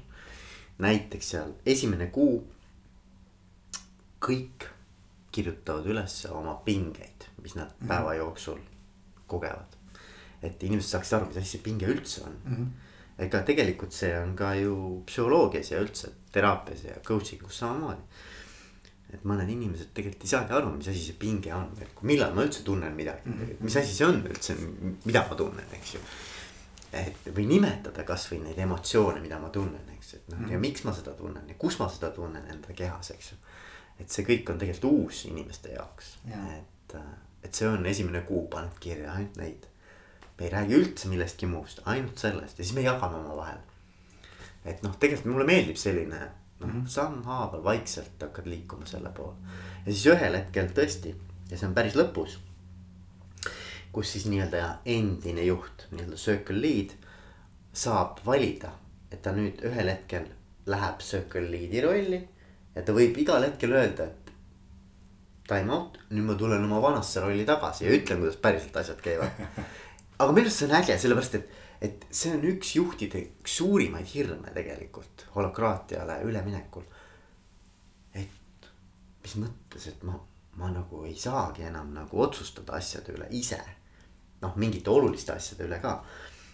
aga siis sa ütledki, et oot-oot-oot, aga proovi, et noh, mine ühte rolli, vaata, mis tunne tekib, on ju, mis, mis, mis, kuidas on olla sellises rollis, kus sa ei saa ise otsustada asjade üle ja siis, kui sul tekib paanika, siis ütled, kuulge, te jooksete täitsa kraavi siin oma tiimiga. et ma tulen nüüd ütlen, kuidas päriselt asjad käivad. et noh, et sa annad nagu talle natuke siukse nagu turvavõrgu, et ta tunneks ennast turvaliselt ära andes seda oma vastutust, kuigi see on noh siukene kassi-hiire mäng natukene. aga noh, et tunnetada mm. -hmm. Ja mulle meeldib see. see on päris äge tegelikult, et tore, et Brian siis nüüd, kui küp-, küpsedes nii-öelda muutub vähem radikaalseks ja, ja kusjuures ma käisin seal Holocrossi foorumil nüüd mm -hmm. Amsterdamis. ja mind natuke isegi üllatas tema sõnavõtt, et ta, ta rääkis hästi palju sellest. kuidas hierarhia ei ole üldse paha. vaid et hierarhia on tegelikult äh, meie sõber ja et, et selleks, et me üldse holokraatiani oleme jõudnud, oli vaja hierarhiat ja, ja et, et see ei ole mingisugune nii-öelda evil mm. -hmm. ja ta ei olegi, noh loomulikult, aga lihtsalt, et ta rõhutas seda nii mitu korda ja mitmel moel. et see tundus mulle, et, et, e, et on mingi nihe mm, -hmm. mingi muutus tema sellises äh, noh, võib-olla sellises nagu sa okay. ütled, radikaalsuses. Ja kui mina teda nägin paar aastat tagasi, siis ta rääkis äh, üks asi, mida ta ütles, on see, et äh, holokraatia ei tähenda seda, et on äh, vähem struktuuri. ütles, et struktuuri on rohkem kui tavalises organisatsioonis. ja, ja, ja ka seda, et, et hierarhia igal juhul on. aga erinevus on selles, et see ei ole mitte võimu hierarhia, vaid on otstarbe või eesmärgi hierarhia. eesmärgi ja, ja, ja. sest noh, paratamatult eesmärgid ikkagi on ju nii-öelda noh, nad, nad on nagu niuksed noh, nagu. see on kaskadeeritud, eks ju mm. -hmm. et, et nad peavad üksteist nii-öelda nagu toetama, et noh, sa ei saa muud moodi see ettevõte kokku ei käi, eks ju. kui minu kehas oleks organ, mis mulle vastu töötab, siis selle nimi oleks vähk, on ju. no just, et, et noh, see noh, see nagu ei toimi, eks ju. aga kuidas nüüd üks või teine organ või circle või kuidas iganes me seda nimetame, tiim, tribe mm. -hmm oma seda nii-öelda eesmärki täidab, vot selle üle ei ole enam kontrolli mm.. et noh, selles mõttes on see muidugi äge. üks asi on küll holakraatias, mis, mis on minu jaoks natukene niukene nagu noh. kui rääkida, et mis on selline nagu küsimärgiga, siis minu jaoks näiteks on see, et äh, kas circle lead'id on määratud nagu ülemise circle'i lead'i poolt. ehk et et need inimesed, kes siis nii-öelda mõnes mõttes hoiavad neid eesmärke igas tiimis või igas selles circle'is. on siis ülemise nii-öelda hierarhilise eesmärgi eestvedaja poolt määratud. no kui ma kontrollin oma teadmisi praegu nüüd, et äh, kui ma peaks seda peast väitma, et kelle poolt ta määratud, siis mina, mina ütleks, et äh, ülemring määrab oma selle äh, ühisotsusega et see ei ole mitte, mitte circle lead, vaid see on see ring, mis otsustab. kas see ei ole nii? mina mäletan, et see oli circle lead, aga seda võib muidugi üle vaadata. see oleks väga suur erand, sellepärast et kõiki ülejäänud asju otsustab ju ring tervikuna.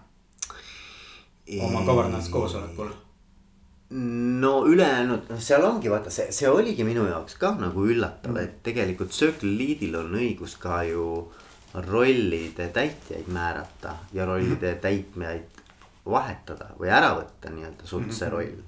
seda küll jah. ainuisikuliselt, et see ei ole mingisugune diskussiooni küsimus. ja circle'i loomine või noh, selles mõttes ma lihtsalt jälle nüüd nagu lähen enda peas loogilist rada pidi, ilmselt me peame siis vaatama allikatest järgi, mis see lõplik tõde on, kui see peaks kuskil olema. aga et äh, loogika on see, et äh, noh, circle ei ole midagi muud kui lihtsalt nii-öelda suureks kasvanud roll on ju ja, ja rolli ju, rolli loob ju Circle. või siis see Circle Lead no,, kui seal ei ole teisi liikmeid.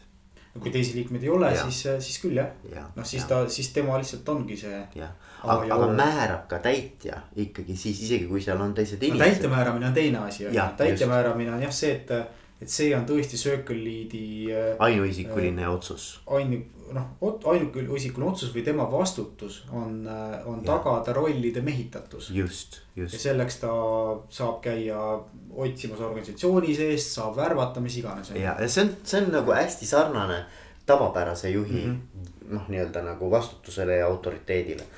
et, aga see on tohutu jõud tegelikult, kui sa hakkad mm -hmm. nagu mõtlema, et see on üks suuremaid äh,, mina, mina ütleks, et, et kui me räägime üldse juhtimise Äh,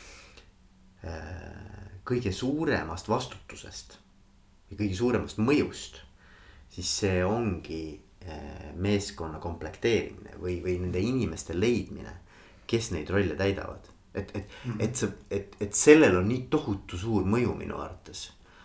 Äh, ja, ja seda teha ainuisikuliselt on nagu üllatav minu, noh minu jaoks. et äh, et see on see, kui, kui üldse rääkida nagu, mis mul holakraatia juures natukene nagu küsimärke tekib mm, -hmm. siis see on see koht. kui see nüüd peaks tõsi olema, siis see tekitaks minul ka küsimärgi. ma seda tõesti ei mäleta oma õpingust, aga, aga võib-olla sul on õigus. aga see tõesti on nagu selline hmm. see, see on üllatav jah. ma natuke tahaks äh, tuua oma perspektiivi selles osas, et äh, mina olulisuselt selle asetaks teisele kohale võib-olla või noh, nagu teine on meelevaldne, aga mulle tundub, et äh, kõige olulisem juhi või siis circle lead'i äh, töö on eesmärgiga seotud. et eesmärk oleks selge, asjakohane eesmärk sobituks sellesse suuremasse eesmärki.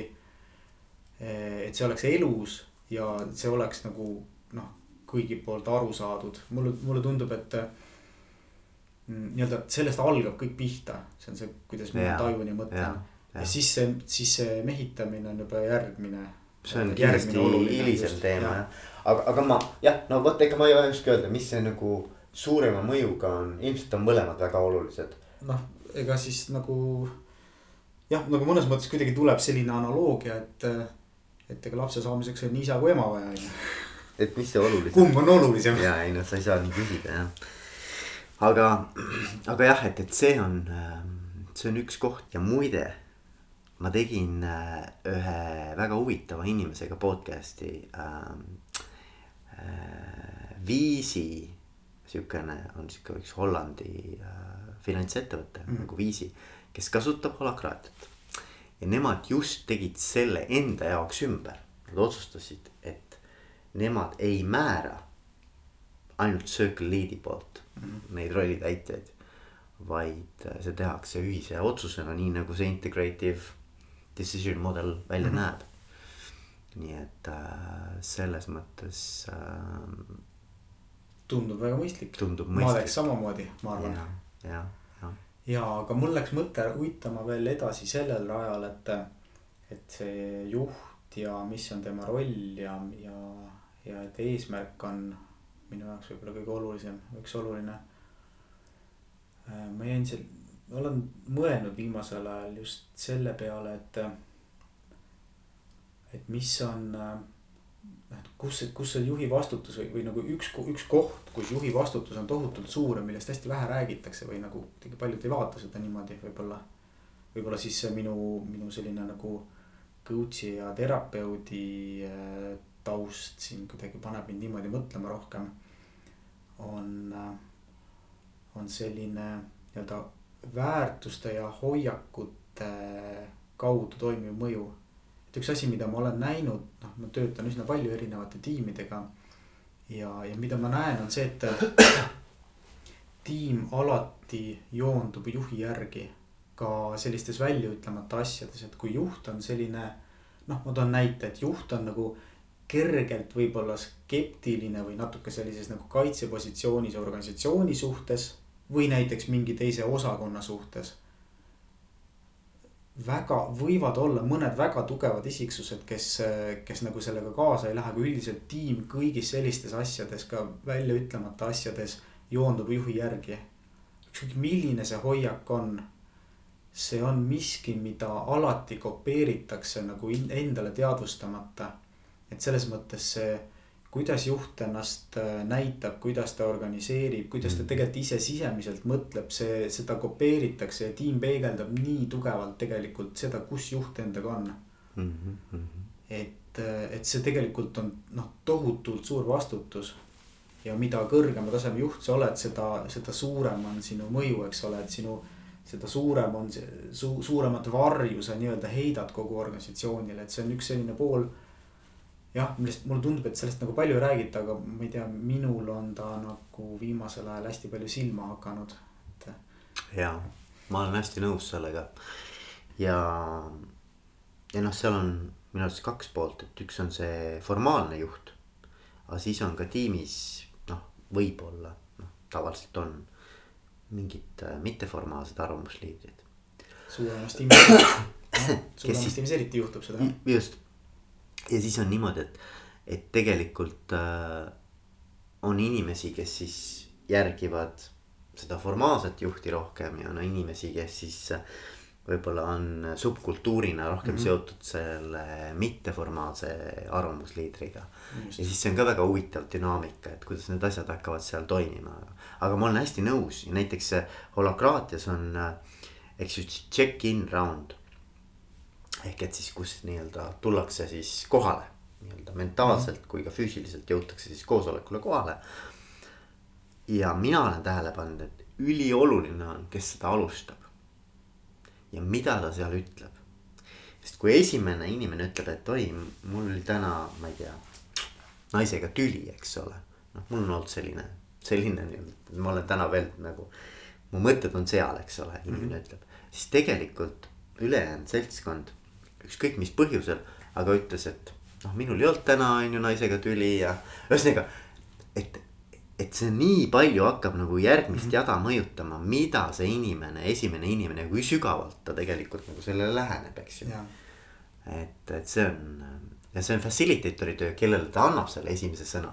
just või, või on näiteks uus rühm ja, ja ta otsustab, et ta annab ise nii-öelda tooni ette. nii selle sõnavõtu pikkuse kui ka, kui ka sügavuse osas. ja, ja, ja, aga see on jällegi nagu natukene läheb selle juhi sellise noh, nii-öelda. ma ei tea, siis olemuse ja, ja sisukusega kokku mm. -hmm. et ja ma olen hästi nõus, et see juhi, juhi roll on ülioluline. ja kui näiteks teha meeskonnatreeninguid, siis on ka noh, tuleb hästi läbi mõelda, et kui seal on mingisugused sellised harjutused, mis vajavad natuke süvitsi minekut. et siis, kes on see esimene inimene, kes nagu räägib siis oma loo, et, äh, et see ei jääks väga noh, selliseks pinnapealseks või mm. -hmm või selliseks äh, irooniliseks või, või mis iganes. jah, olen nõus. no vot, Toomas, meil on juttu olnud nüüd nagu väga erinevates suundades ja, ja noh, erinevatest äh, valdkondadest ja, ja, ja väga põnev on olnud. kas on midagi, mida ma ei ole küsinud, aga sa tahaksid siia lõppu veel jätta inimestele mõtisklemiseks hmm.? ma arvan, et see tegelikult on väga hea kokkuvõte sellest, et juhtimine ongi väga mitmetahuline valdkond, see, et me oleme läinud eri suundades. ja kokkuvõtteks.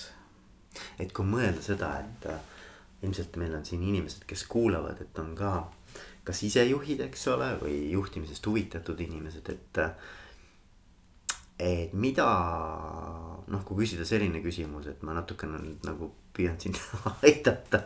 et kui küsida sedasi, et, et mis võiks olla mingisugune küsimus või, või, või, või harjutus, millega nagu saada iseendast rohkem aimu, et milline juht ma olen või et, et mis on minu tugevus või mm., või et mille, mille, mille osas ma saaksin kõige rohkem väärtust luua juhina?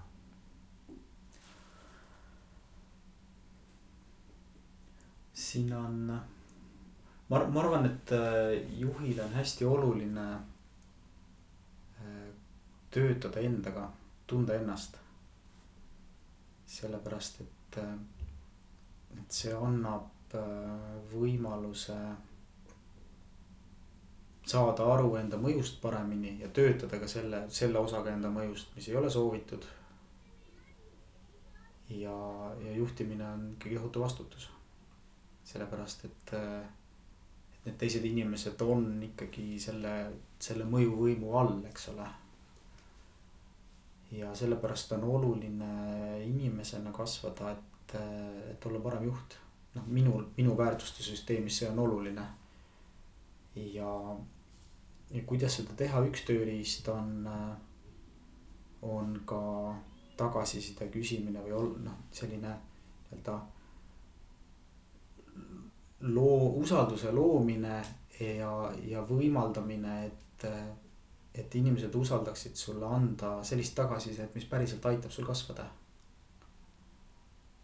see on, äh, see on üks mõte noh, minul tekib siit kohe järelküsimus, et aga, aga kuidas ma või noh, kuidas, kuidas siis inimesed saaksid leida sellise mm,, sellise, ma ei tea, luua sellise õhkkonna, kus inimesed oleksid valmis jagama omavahel äh, sellist tagasisidet, sest ma arvan, et see on hästi palju ka mm. sõltub, et kas ollakse valmis seda tegema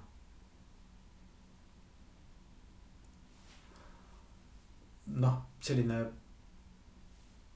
lihtne vastus on psühholoogiline turvalisus mm. -hmm. aga, aga need, need sõnad on lihtsad, see, selle loomine ei ole lihtne, et mm. -hmm. kui seda ettevõtte kultuuris ei ole, siis on seda väga raske luua. et see hakkab ikkagi nagu kogu ettevõttest pihta. ja noh, on mingil määral võimalik ilmselt ka vastuvoolu ujuda, et justkui luua selline saarekene, kus on usaldust rohkem minu tiimis. aga seda on eriti raske teha selles mõttes, et teha seda nii, et sinna ei tekiks vastandumist ülejäänud organisatsiooniga, et see ei oleks mingisugune selline vandliluus torn, et meie siin oleme head ja ilusad ja, ja need teised seal. nii et aga, aga mul tegelikult, mulle tundub, et üks asi, mis seda võimaldab teha, on, on selline nagu, kuidas ma siis ütlen seda, siis nagu autentsus, noh, see on jälle lihtsalt, kui ma ütlen autentsus, see ei tähenda midagi. aga, aga usaldamine, et, et ma olen okei okay, sellisena, nagu ma olen ja ma ei pea näitama oma mingisugust sellist fassaadi ainult või nagu mingit sellist ilupilti, vaid et ma võin. mul võivad ka halvad päevad olla ja ma võin öelda tiimile, et, mul täna lappab, et ma ei tea, kasvõi, et kas keegi teine võtaks ja juhiks seda koosolekut täna ise mm. -hmm. ja just sellise nagu jah, et selline nagu enda haavatavuse näitamine. ma arvan, on üks asi, mis, mis võimaldab ka teistel kaasa tulla ja, ja. just ja mul tegelikult äh, mulle tuli praegu, praegu meelde veel üks, äh, üks äge asi, mida me oleme Pipedrive'is ka äh, kasvatamas. On selline raamistik nagu immunity to change mm. -hmm. ma ei tea, kas sa tead sellest? ma tean nii palju, et seda on rääkinud ka Peep Vain mm. kunagi, kui ta käis äh, seal INSEADis õppimas äh, change management'i mm.. aga ega ma liiga hästi seda Just. ei tea. et äh, immunity change on praktika, mis võimaldab aru saada, miks mingid muudatused, mida ma tahan iseendaga teha, et ma tahan ise oma käitumist muuta, mingit harjumust muuta. aga see ei õnnestu mul see, see on selline raamistik, mis võimaldab aru saada, et mis on minu sees nagu need uskumused ja need lood, mis ütlevad, et äh, kui ma seda teen, siis juhtub midagi halba minuga näiteks või et noh, mis hoiavad mind tagasi, et see on see justkui see immuunsüsteem, mis, mis hoiab mind selles äh, praeguses harjumuste rattas mm. -hmm. Ja see on siis selline raamistik, mis võimaldab selle nähtavale tuua, lihtsalt teadvustada. ja siis hakata sinna ümber disainima selliseid väikeseid igapäevaseid eksperimente, see on selline ühekuuline protsess, mille alguses siis äh, seada endale eesmärgi siis lähed kaardistad ära selle, et, äh, et mis on minu hirmud sellega seoses ja mis on siis see nii-öelda mingisugune stsenaarium, mida ma oma peas ette kujutan, et juhtub, kui ma, kui ma teen seda, mida ma tahan teha, et mis on siis, mis mind tagasi hoiab. Ja siis kavandadki selliseid väikseid eksperimente igasse päeva, et lihtsalt vaadelda seda olukorda või vaadelda ennast, enda reaktsioone selles olukorras mm. -hmm. seal on selline kindel struktuur, siis sa analüüsid neid eksperimente, kavandad järgmisi eksperimente korra nädalas siis kohtud äh, oma tugigrupiga. Äh, ja siis äh, seal kusagil kuu aja jooksul reeglina, nii palju kui ma näinud olen, siis need uskumused hakkavad lihtsalt põrmuks pudenema mm.. sellepärast, et sinna tuleb arusaamine, et data tegelikult ei toeta seda uskumust, see, mida ma olen, ma ei tea, harjunud, harjunud uskuma, et kui ma teen nii, siis juhtub niimoodi. see ei ole tegelikult tõsi üldse. ja seal võib tulla ka mingeid muid avastusi, et aga see eesmärk tegelikult ei olegi kõige olulisem eesmärk, vaid noh, see on nagu lihtne, et aga mul on siin mingi teine eesmärk hoopis, et sealt hakkavad imelised asjad juhtuma.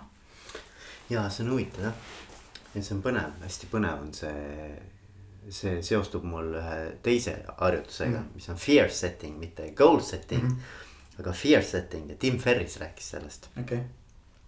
ja seal on see mõte, et, et kui sul on mingisugune ähm, noh, mingi otsus kõige lihtsam on mõelda, et mingi otsus on vaja vastu võtta.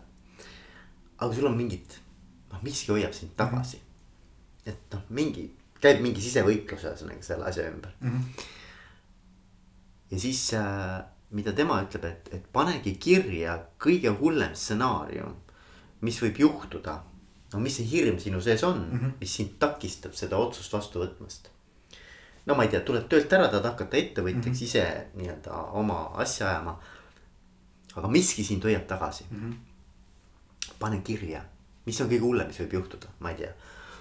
jään äh, kodutuks, ma ei mhm. tea, mis, mis on kõige hullem, pane need kõik need asjad kirja. Ja siis ta ütleb, et, et juba see protsess ise, et sa paned need asjad kirja. see on esimene samm, aga see, see juba tegelikult näitab ära, kui palju irratsionaalseid hirme sul tegelikult mm -hmm. selle asja juures on, eks ju. siis järgmine eh, samm on see, et pane kirja, et mida sa juba täna saaksid teha, et ennetada neid kõige hullemaid asju. isegi kui selle otsuse vastu võtad, et mida sa juba täna saaksid nii-öelda nagu noh, selle turvalisuse mm -hmm. tagamiseks, riskide maandamiseks ette võtta. ja kolmas äh, sammas on see, et kui see siis peaks ikkagi juhtuma. kuidas sa saad kõige kiiremini äh, tagasi jalule et noh, mida sa siis tegema pead ja kui sul need kolm tulpa on ära täidetud iga selle hirmu vastu mm. -hmm. siis küsi enda käest, et kas sa tahad seda otsust vastu võtta, kas sa oled valmis seda mm -hmm. otsust vastu võtma või mitte. ja noh, tema ise teeb, ta ütles, ta teeb iga kvartal seda mm. -hmm. ja et enamus neid siukseid nii-öelda noh, mitmetahulisi ja keerulisi otsuseid ta ikkagi võtab vastu, kui ta on selle harjutuse läbi teinud, sellepärast et ta näeb ära, et noh. see ei ole midagi sellist, millega ma hakkama ei saa või et mis, mis isegi tõenäosuses on madal, et, et juhtub, eks ju et aga see nagu kuidagi tekitas mul mingid seosed mm -hmm. selle. see on kantud sarnasest ideest tõesti. Ja see tegelikult on omakorda veel osa sellisest nagu suuremast vaatest, et seda on vedanud äh, või need selle. seal on mingi seeria raamatuid, mille on oma uurimiste põhjal kirjutanud kaks teadlast äh,. äkki olid nende nimed äh, Lisa Lahey ja Robert Kagan äh,. ja nende viimane raamat on An Everyone Culture mis, äh, mis siis põhineb sellele, et on uuritud äh, mingit hulka organisatsioone, kus on. Noh, võib-olla kõige lihtsam on öelda, kus on nagu growth mindset või kus on nagu selline mõtteviis, et. et äh, see, kui inimesed organisatsioonis kasvavad, see loob väärtust ka organisatsioonile mm. -hmm. ja et nad võtavad seda kui noh, kui, kui tõsiasja mida nad kasutavad ära, ehk et nad, nad, nad loovad selli-, nagu ettevõtte kultuuris on loonud sellise ootuse, et. et kõik võiks äh, nagu olla kogu aeg seal oma mugavustsooni ääre peal ja ühe jalaga mugavustsoonist väljas, et yeah. kui. kui sa tahad midagi teha, aga sa ei oska teha, siis sa peaksid seda just tegema. ja, ja, ja. ja, ja, ja, ja siis see, see raamistik on äh, raamistik on siis äh, nagu üks konkreetne tööriist, et nii-öelda kuidas oma mugavustsoonist äh, kogu aeg nagu välja kasvada ja jätkuvalt laiendada. Äh, mis on siis nende ühe teise raamatu sisu või noh, nende eelmise raamatu sisu ja siis see viimane raamat võtab seal kokku veel nagu mingisugused sellised baasprintsiibid, et. et mis siis nagu sellistes organisatsioonides on see ühendav osa, mis tekitab sellise sisekultuuri ja keskkonna mm. -hmm. et seal oli siis, üks oli see, et on, on sellised, üks oli see, et on nagu ongi võetud äh, nii-öelda aktsioomideks see, et äh, täiskasvanud inimesed saavad kasvada. Et ettevõte saab sellest kasu ja mis, mis seal siis veel iganes olid äh,. siis teine on see, et, et meil on mingisugused praktikad, mis võimaldavad seda teha, kasvõi näiteks seesama immunity to change, mida me reaalselt praktiseerime ettevõttes. ja kolmas oli see, et, et on kommuunid, kus saab koos seda teha mm. -hmm. et kolm sellist õlga, seal on rohkem, noh, terve paks raamat oli. aga, aga see on siis nagu see nende uurimustöö sisu ja, ja sealt siis äh, lasime ennast sellest inspireeruda ja, ja nüüd me siis oma coach'ide tiimiga ettevõtte sees äh, nagu. lisaks sellele kõigele muule, mis me teeme, me siis teeme neid töötubasid ja pakume inimestele platvormi kasvada.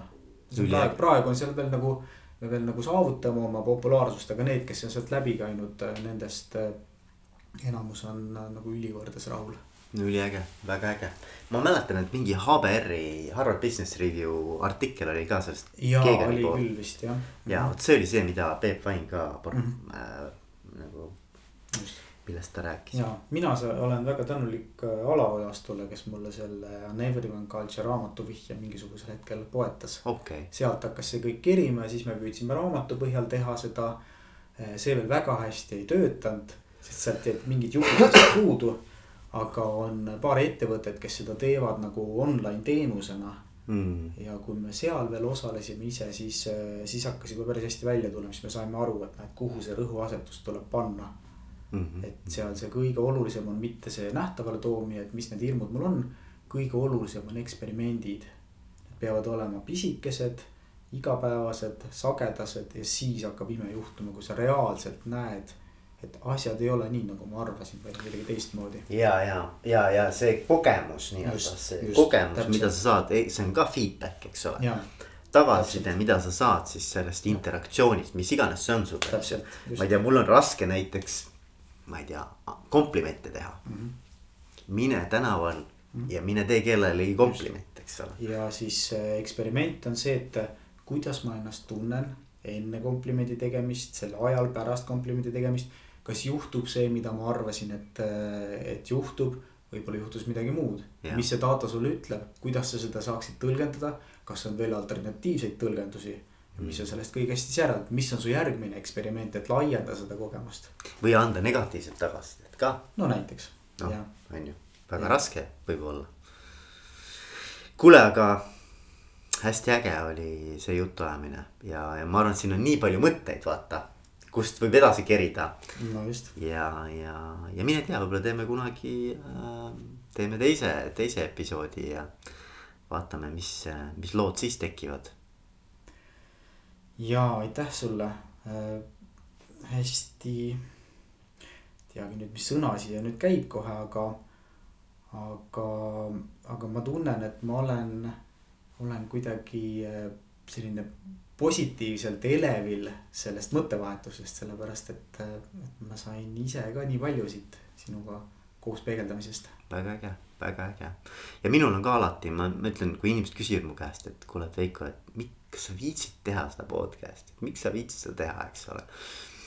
siis mina, ma, ma nagu mõtlen, et, et see annab nii palju, vaata, ma lähen alati ära podcast'i tegemiselt mingisuguse sellise nagu sa ise ütled, sihuke nagu kõrgendatud ele-, elevuse, energia, mingisuguse äh, sihukese ägeda tundega. Ja, ja, ja ma arvan, et see on see, miks, miks ma seda teen, et äh, need mõttevahetused tegelikult äh, rikastavad tohutult. Ja, ja, ja aitäh sulle, et sina olid seekord see, kes mind ja meid rikastas. et ja tundub, et tegemist on win-win olukorraga, tegelikult isegi mitte win-win olukorraga, vaid äh, Austraalia pärismaalastel on selline praktika nagu draakoni unistamine. ja seal üks selline nagu baas, kui ma nüüd õigesti mäletan, ma väga hästi seda ei tunne, aga äh, seda meetodit, aga üks selline nii-öelda mm, baasasi oli seal see, et äh, olukorrad või need nii-öelda need, mida sa manifesteerid, peavad olema siis win-win-win. mina võidan, sina võidad, kogukond võidab ja. või keskkond võidab. ja, ja, ja ma arvan, et meil on siin win-win-win olukord. absoluutselt ja võib-olla on veel neljas vinn ka, me ei Just. teagi, mis, kes veel kõik võidavad sellest. aga igal juhul tänud sulle, Toomas, aitäh kutsumast. äge